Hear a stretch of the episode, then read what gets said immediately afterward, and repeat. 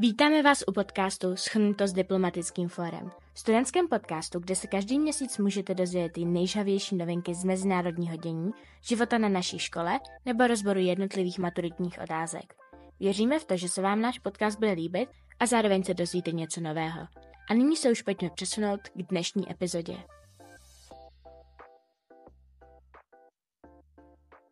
Milí posluchači, vítáme vás již u našeho druhého dílu podcastu Zhrnuta s diplomatickým fórem.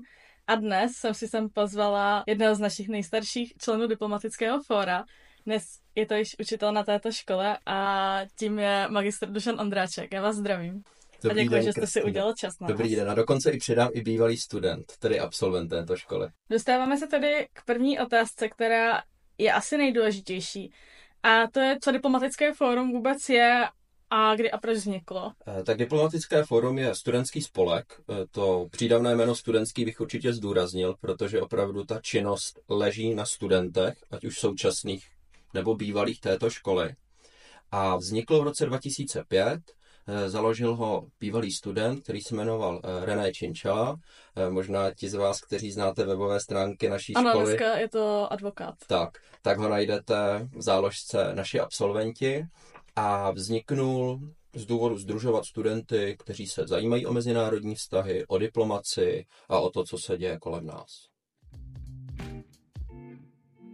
Taková zajímavost, kolik má v současné době DFK neboli diplomatické fórum aktivních členů.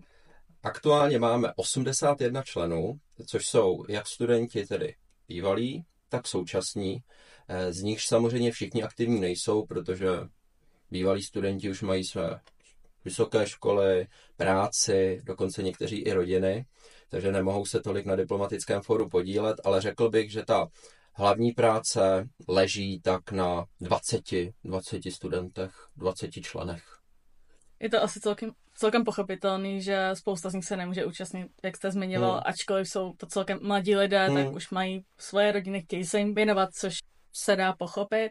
A dostáváme se dál a to je, jak se ten koncept DFK vlastně měnil, protože určitě to ne- nebylo stejné, jako je to teď. Tak jak už jsem říkal vlastně v té první otázce, původně to byl vlastně spolek, kde se združovali studenti, kteří se zajímají o mezinárodní vztahy, scházeli se po škole, debatovali, takže dalo by se říct takový diskuzní klub.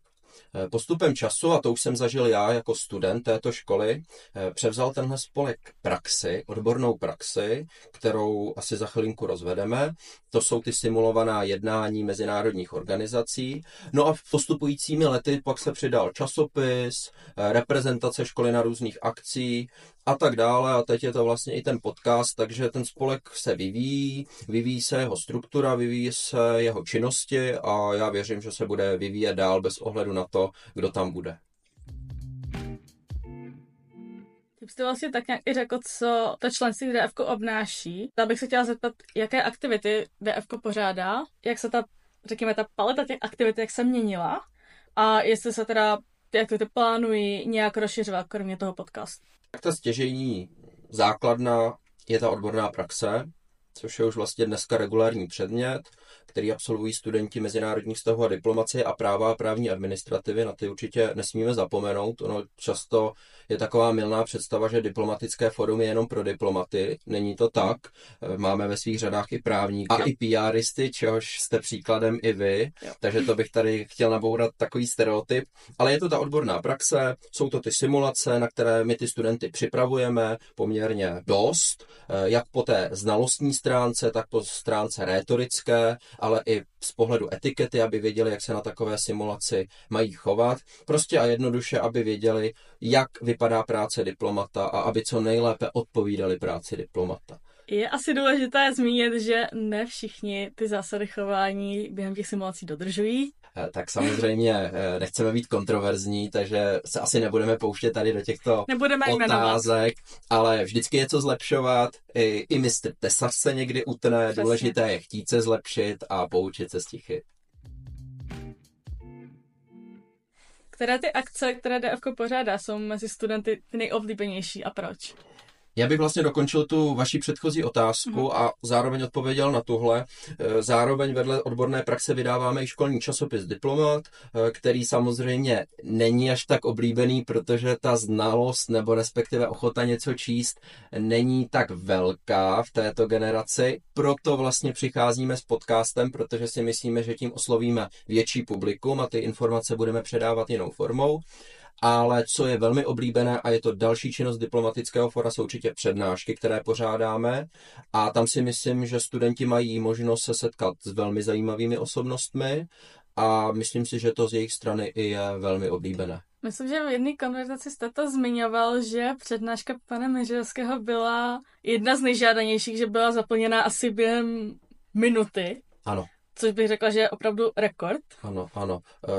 Opravdu záleží na té osobnosti. Samozřejmě ty známější osobnosti víc přitáhnou, ale třeba pan Miřejovský zas není tak známý v porovnání s těmi osobnostmi, co jsme tady měli. Ale potom studenti vlastně tu přednášku velmi ocení a odnáší si s ní velmi mnoho jako poznatků a proto to děláme. Pokud se nemýlím, tak tenkrát to někteří studenti měli i v rámci výuky mediální komunikace nebo PR, teďka si nejsem jistá. Je to tak.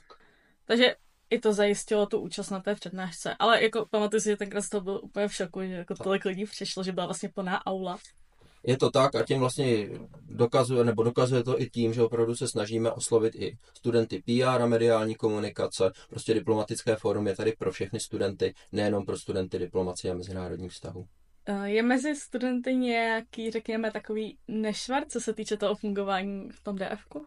No tak samozřejmě všichni jsme lidi, takže velmi častý nešvar je zapomínání, což samozřejmě lidé, kteří mě znají, vědí, že není úplně věc, kterou já oceňuji, ale od toho to je. Člověk se naučí pracovat s různými lidmi a občas tam to urgování je, takže bych asi řekl zjednodušeně dodržování termínu ale na druhou stranu zase musím ocenit, že oni to všichni dělají dobrovolně, eh, ve svém volném čase, se svými povinnostmi, které mají, eh, takže já je sice nějak taktně upozorním na to, že už mi měli včera něco poslat nebo měli něco splnit, ale zároveň to beru, že se to tím učí a hlavně, že to dělají dobrovolně. Se dostáváme do samotného závěru, taková perlička, jestli máte nějaký velmi silný zážitek, co se týče DFK pozor, silný zážitek se nemusí rovnat pozitivní zážitek. Rozumím, dostáváme se asi k nejzajímavější části, protože jsou to ty drbíky o učitelích, to mají studenti velmi rádi. A já asi řeknu jeden takový základní, ehm, já to často říkám ve výuce a řeknu to i zde, já jsem byl v prváku, eh, stále jsem, i když to na mě tolik není vidět, jako velmi nervózní. Takže moje odborné praxe byl jeden velký stres, eh, jeden velký boj, eh, balil mě žaludek, eh, bál jsem se tam chodit vůbec mluvit a nechtěl jsem mluvit, takže jako já mám odbornou praxi, když jsem ji absolvoval jako student spojenou, jako jeden velký strach což samozřejmě nebylo úplně ideální, strach není úplně zdravý, ale musím říct, že mě to hodně posunulo, takže moje odborná praxe byl jako jeden velký strach. Ale jak říkám, posunulo mě to dál a já doufám, že i ta odborná praxe studenty, kteří mají a mají bez zesporu podobné pocity jako já, taky posune dopředu. A já vždycky studentům říkám moji oblíbenou hlášku a znají to všichni, a vždycky říkám, bude hůř. Takže i tady ty velmi stresové situace vlastně toho člověka posunou a myslím si, že tohle a ústní zkouška u maturitní zkoušky se nedá srovnat, takže bude hůř a oni už na to jsou připravení právě přes tu uh, simulaci. Tímto se náš druhý díl podcastu Shrnuto z DF chýlí úspěšně ke konci. Já děkuji panu Ondračkovi, že si na nás udělal čas, velmi si toho vážím. Rádo se stalo, taky děkuji za pozvání. A budeme velice rádi, když si nás opět poslechnete na našem kanále na Spotify a když nám zašlete nějakou zpětnou vazbu, protože vašeho názoru si vážíme a je to pro nás velice důležité. Já se přidávám a přeju všem studentům Školy mezinárodních a veřejných vztahů Praha úspěšné vkročení do nového školního roku. Budu se těšit v hodinách na viděnou. Schrnuto z DF.